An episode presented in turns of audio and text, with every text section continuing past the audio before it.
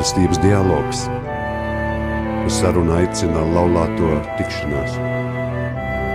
Palieciet manā mīlestībā, Jāņa 15.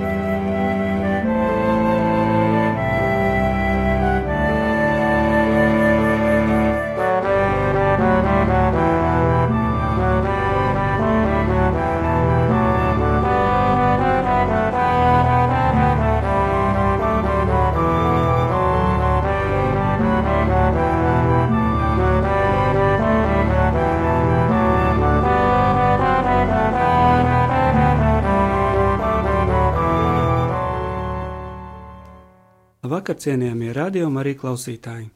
Šovakar atkal esam kopā ar jums kustības laulāto tikšanās raidījumā Mīlestības dialogs. Adventu otrās svētdienas vakarā aicinām jūs ieklausīties mūsu sarunā par jūtu tiešo un netiešo izpaušanu. Kāpēc šovakar tieši šī, mūsuprāt, ļoti aktuālā tēma? Vispirms jau tādēļ, ka adventu laiku mēdz dēvēt par apstāšanās, miera un klusuma laiku, bet, lai pilnībā norimtu un izbaudītu mieru un klusumu, dažkārt vajadzīga tāda kā jūtu inventarizācija. Otrakārt, visi laulātie pāri, ar ko runājām par jūtu netiešo izpaušanu, atzina, ka tā ir ierasta praksa ne tikai viņu savstarpējās attiecībās, bet arī dzīvē kopumā. Tāpēc ļoti priecājamies, ka šovakar mums kopā ir Tatjana un Mārs Ločmeļi, kur par jūtu izpaušanu un to veidiem ir runājuši gan laulāto tikšanās mazajā grupiņā, kas katru mēnesi notiek Trīsvienības draudzē Rīgā, gan arī šovakar ir gatavi pastāstīt par to mums. Labvakar! Labvakar! Labvakar. Vispirms, lūdzu, izstāstiet, ko īsti nozīmē jūtas un jūtas netiešā izpaušana. Um, tā tad jūtas uh, liekas tik ierasta, bet tajā pašā laikā tāda arī sarežģīta lieta, jo um, noteikti katrs ir ievērojis, ka jūtas ir neatņemama sastāvdaļa katram no mums, un mēs katrs piedzīvojam jūtas, vai mēs to vēlamies vai nē. Um, un jūtas tiešā veidā ietekmē mūsu uzvedību. Un kā ir signāls uh, procesiem, kas notiek mums mūsos dziļāk. Uh, un jā, jūtas var paust gan tieši, gan netieši, un par to mēs tad runāsim tālāk, kā, kā tās jūtas var paust tieši, un vai mēs jūtas varam paust netieši, un kā tas notiek. Uh, varbūt tad pastāstiet, kā jūtas var paust tieši, kāds spilgts piemērs. Nu, tātad jūtas paust tieši var nosaucot jūtas vārdā piemēram, jūtos bēdīgs, satriekts, laimīgs un tam līdzīgi. Tad eh, jūtas var aprakstīt ar līdzību. Es jūtos kā septītājās debesīs, es varu no kauna zemē ielīst, esmu izsalcis kā vilks un tam līdzīgi. Jūtas var aprakstīt arī aprakstot jūtas caur to izraisītajām norisēm ķermenī. Mana sirds skrien kā negudra, zeme dreb zem, kājas zem dreb un tam līdzīgi, kaklā ir kamols. Un jūtas tieši var paust, aprakstot to, ko gribētos izdarīt, izjust to jūtu iespējā. Man gribās tevi iesist, bēgt projām un tam līdzīgi. Vai man gribās tevi apskaut, samīļot? Jā. Lai nav tik dramatiski. Nu, un kā tad būtu tie jūtu netiešie izpaušanas veidi? Mm -hmm.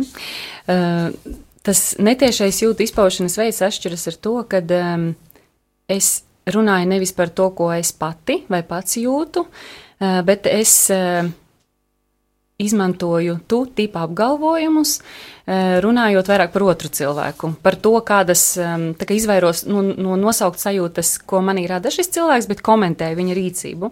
Un tādi tipiskākie netiešas jūtu izpausmes veidi ir, piemēram, uzdot retorisku jautājumu. Nu, kā to var nesaprast? Nu, vai tu galīgs muļķis esi? Nu, kā var tā rīkoties, piemēram?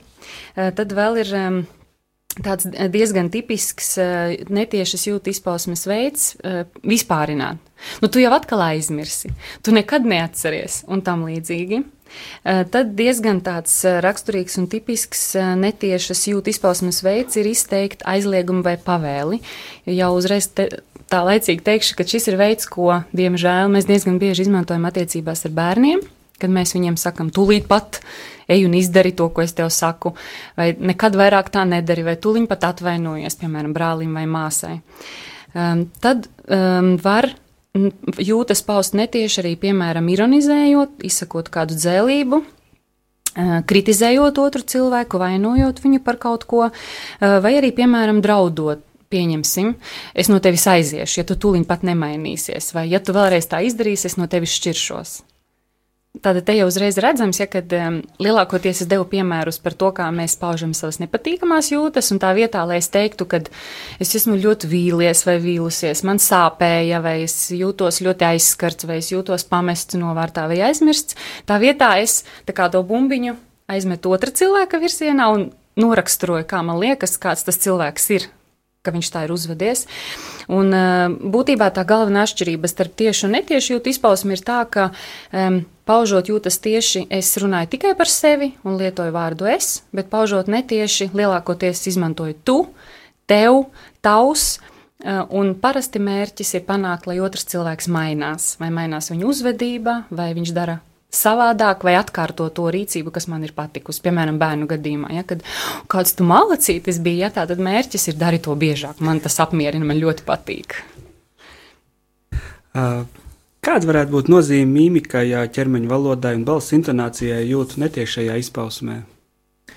Ar mīmiku, ķermeņa valodu un balss intonāciju var pastiprināt netiešo jūtu izpausmi. Tas ir sabiezināt krāsas. Uh, Piemēram, balss intonācija var būt aizskaroša, paaugstināta balss vai pārspīlēta maiga un tam līdzīgi. Nu, ar ķermeņa valodu var arī netieši izteikt jūtas.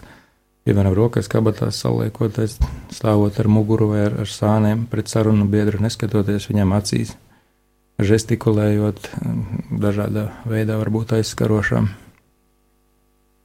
Un, netieši var arī uzmundrināt. Tā, piemēram, ar mierīgu balsi runājot, skatīties sarunu biedram acīs, smaidīt ar labvēlīgu skatienu sarunu biedru, kā saka, apskatīt. Tas samazina netiešo jūtu izpausmes negatīvo efektu. Tas jā, precizējot, ka es varu jūtas paust arī netieši, izmantojot šos te ti, tu tipu apgalvojumus, ka tu izdarīji vai tu esi, bet ja es to daru maigā balsī un es esmu mierīgs un skatos cilvēkam acīs un neesmu tāds novērsies draudīgs, tad tas iespējas nebūs tik dramatisks, kā tad, ja es to teikšu skaļi, ja es būšu sabozusies, man varbūt būs ieplestas nāses, izbolītas acis. Tā, jā, tā neverbālajā komunikācijā ļoti liela nozīme. Kāpēc mēs vispār jūtas mēdzam izpaust netieši? Ar ko tas ir saistīts? Jā, interesanti gan.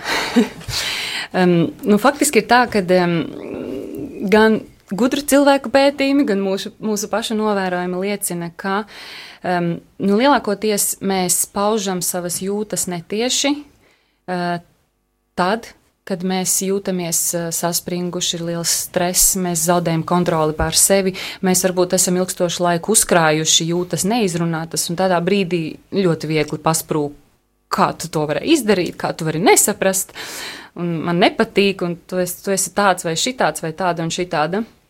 Otrām kārtām vēl ir raksturīgi tas, ka Es domāju, visi piekritīs klātesošie un arī klausītāji, ka mēs neesam raduši runāt par jūtām. Nu, tas nav tāds latviešu tikums, tā apzināties savas jūtas un par viņām runāt skaļi.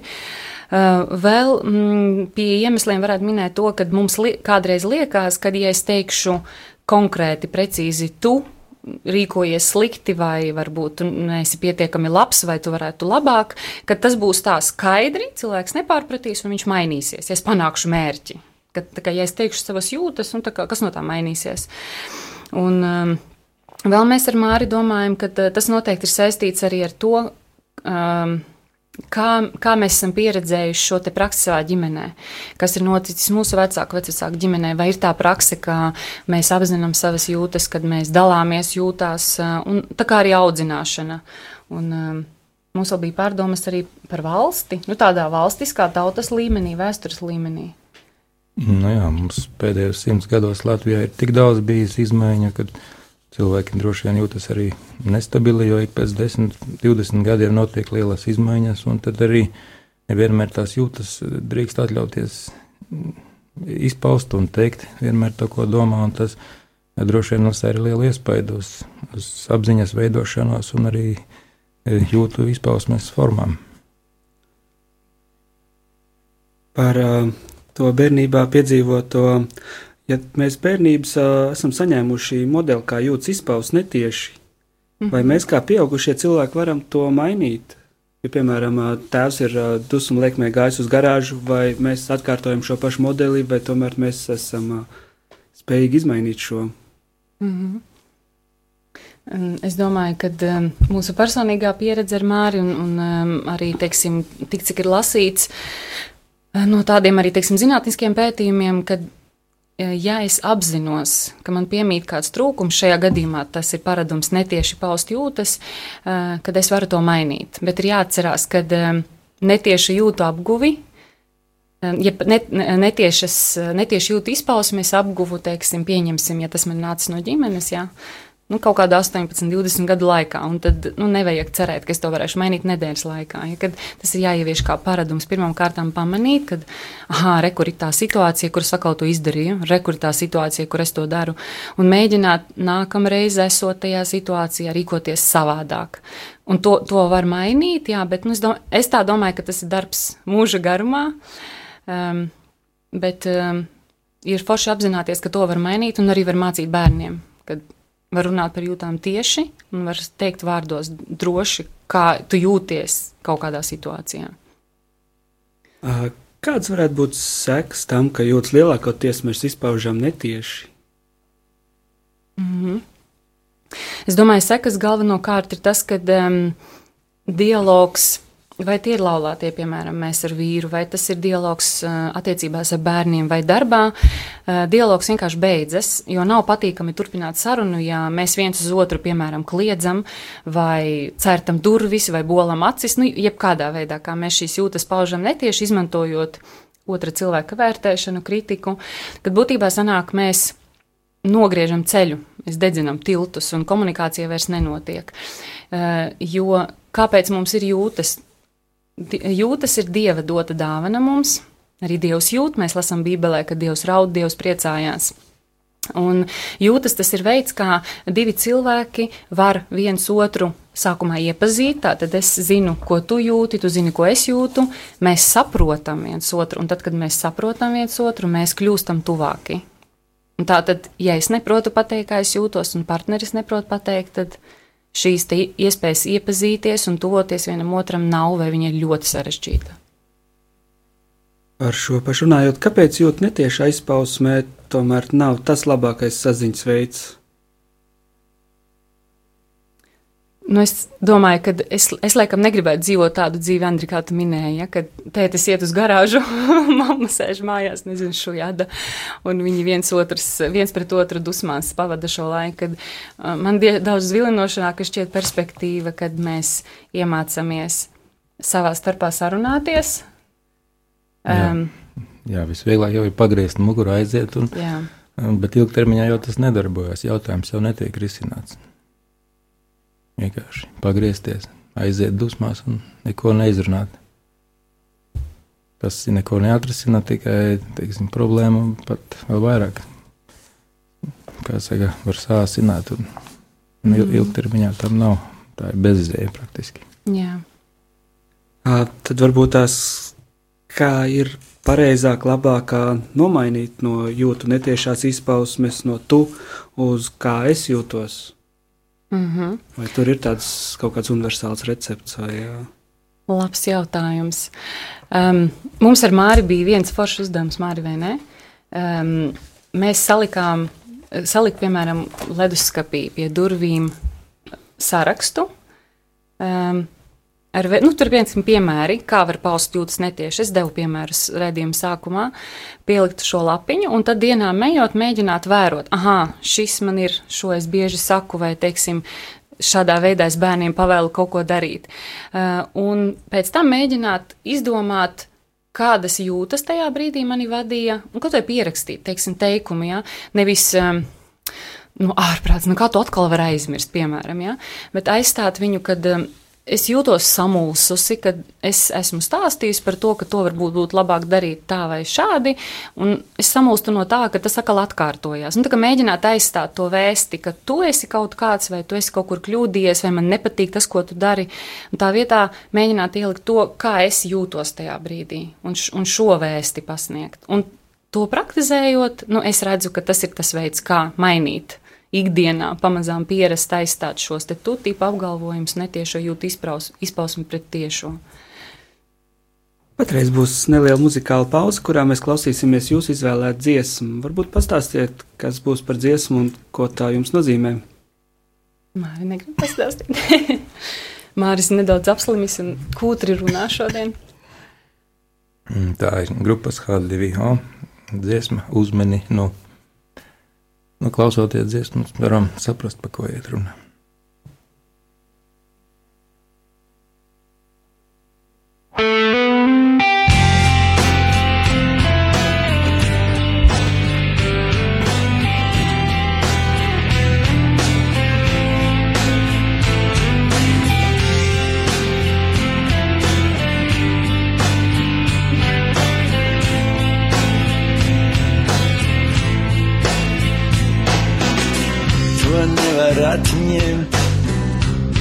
Ar to var dot.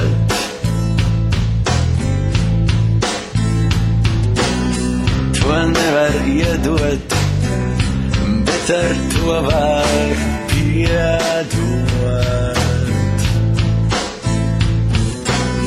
To nevar noturēt, bet ar to var izturēt.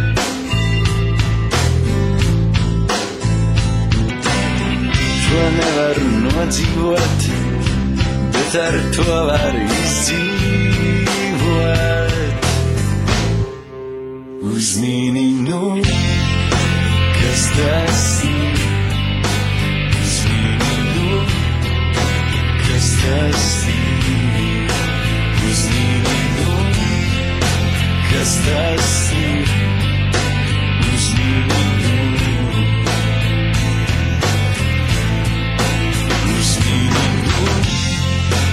Kas tas ir.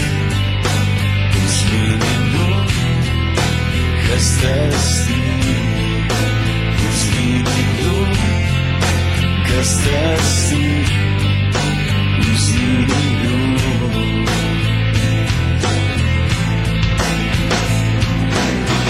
To nevar pierādīt, bet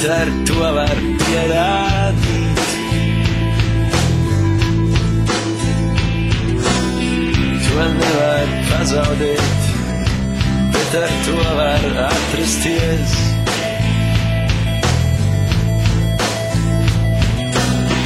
To nevar izteikt vārdos, bet ar to var pateikties.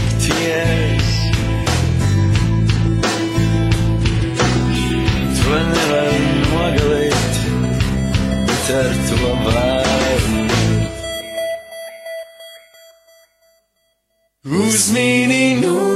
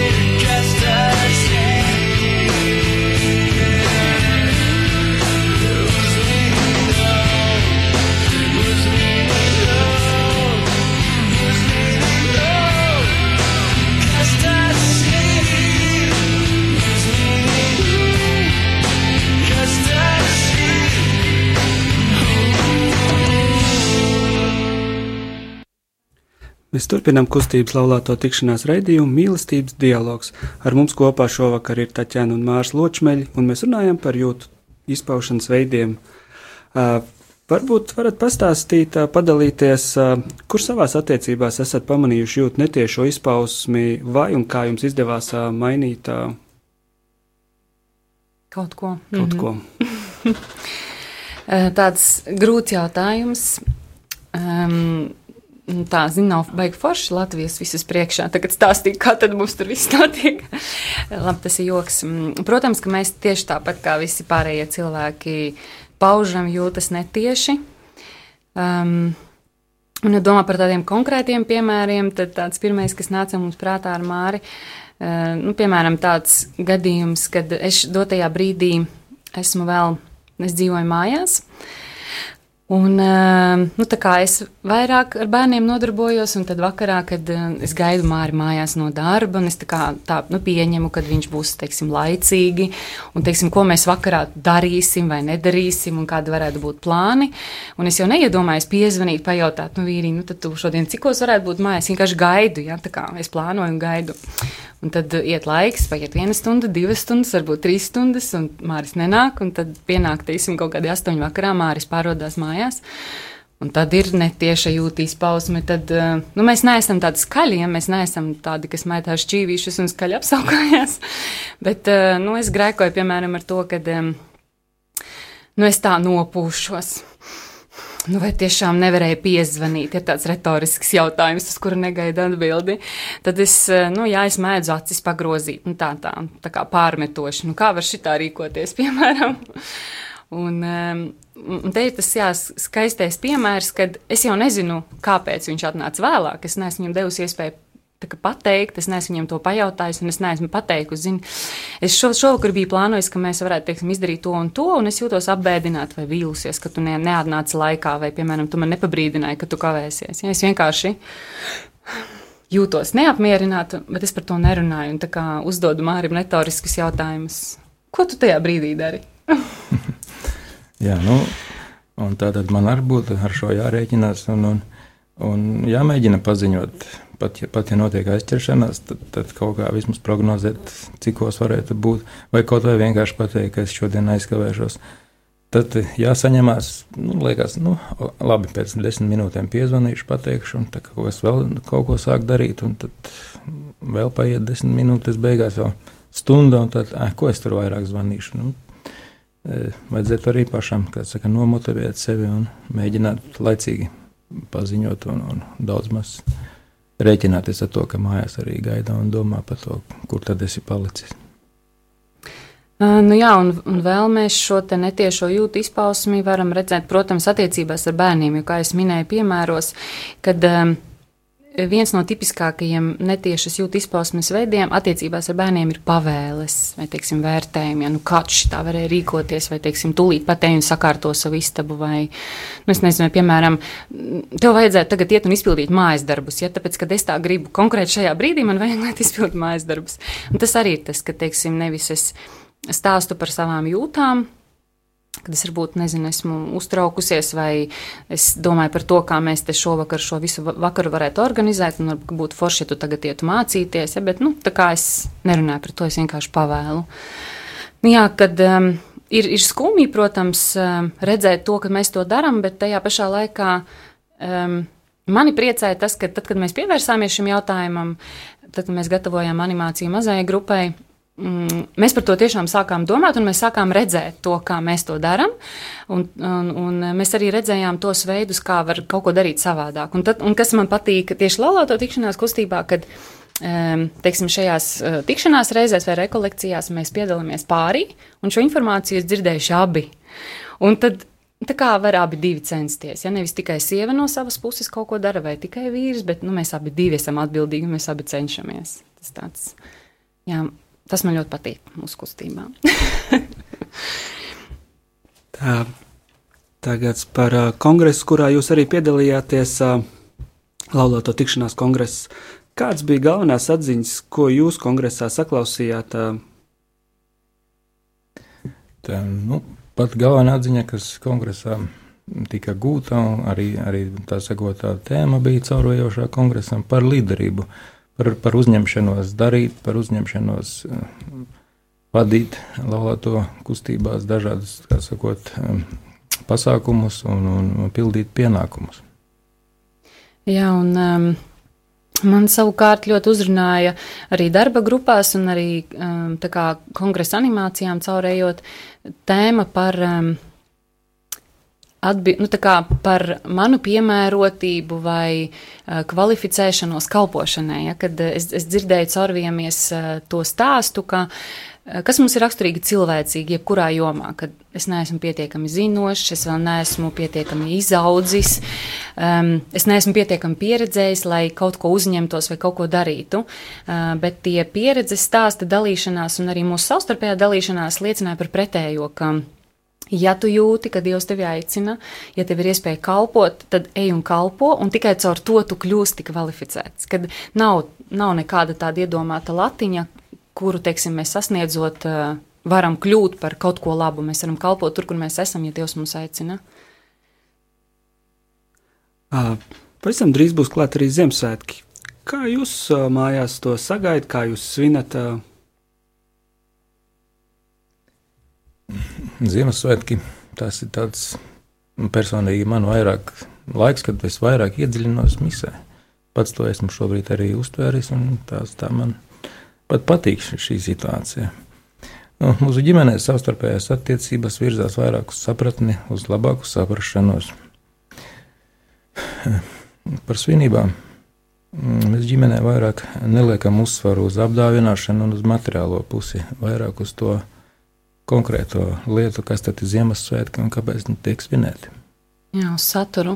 Um, es gribētu teikt, ka mēs Ziemassvētkus sākam svinēt jau uzsākot adventa laiku. Uh, Jo jau pāris gadus mums mājās dzīvo tradīcija, kad mēs katru adventa svētdienu uh, pamazām atceramies tos bībeles notikumus, kas uh, vēstīja par to, ka piedzims Jēzus.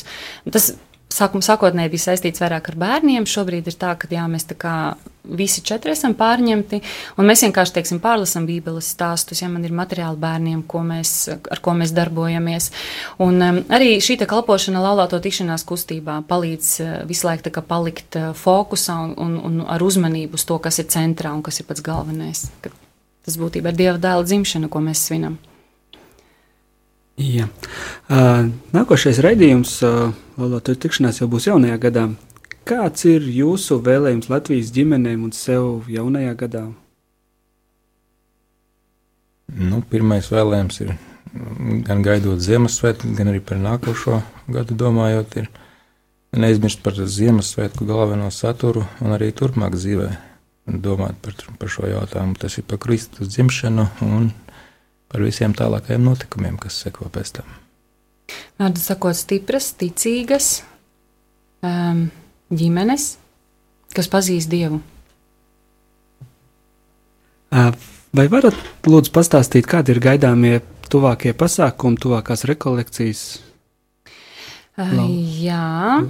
Mm, Šobrīd ir tāds ekskluzīvs, skaists brīdis, kad ir sastādīts plāns nākamajam gadam.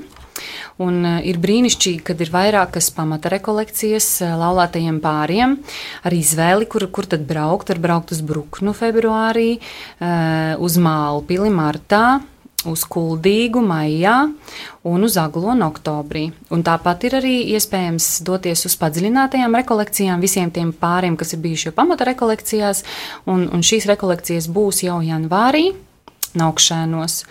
Un, protams, kad uh, kā tradīcija, tas ir arī kalpošana sadarinātajiem un iemīlējušajiem pāriem, bet šo informāciju būtu forši pāri varētu paskatīties mājaslapā mūsu kustības www.laulātiem.lv sadaļā sadarinātiem. Un raidījuma noslēgumā lūksim Māru nolasīt laulāto tikšanās lūkšanu. Palieciet manā mīlestībā. Kungs, Jēdzu, Jēdzu, lūdzu tev dialoga dāvanu mūsu laulībai. Palīdzi mums, man uzmanīgāk uzklausīt manu sievu, palīdzi mums labāk vienam otru saprast. Palīdzi mums dalīties un visam pāri, palīdzi piedot. Dāvā mums delikātumu un lēnprātību mūsu sarunās un dari, lai tās būtu patiesas tikšanās vienam ar otru un ar tevi. Palīdzi mums arvien pilnīgāk pieņemt un akceptēt vienam otru, veidot vienotību, kurā katrs no mums paliek pats. Lūdzu tevi dziedināt visus grūtos jautājumus, kas mūs atdala, ļauj mums priecāties mūsu laulībā un palīdzi mums vienmēr palikt tavā mīlestībā. Āmen! Amen. Paldies, ka klausījāties laulāto tikšanās raidījumu mīlestības dialogs. Uz tikšanos pēc mēneša jau jaunajā gadā. Ar labvakar! Ar labu vakaru!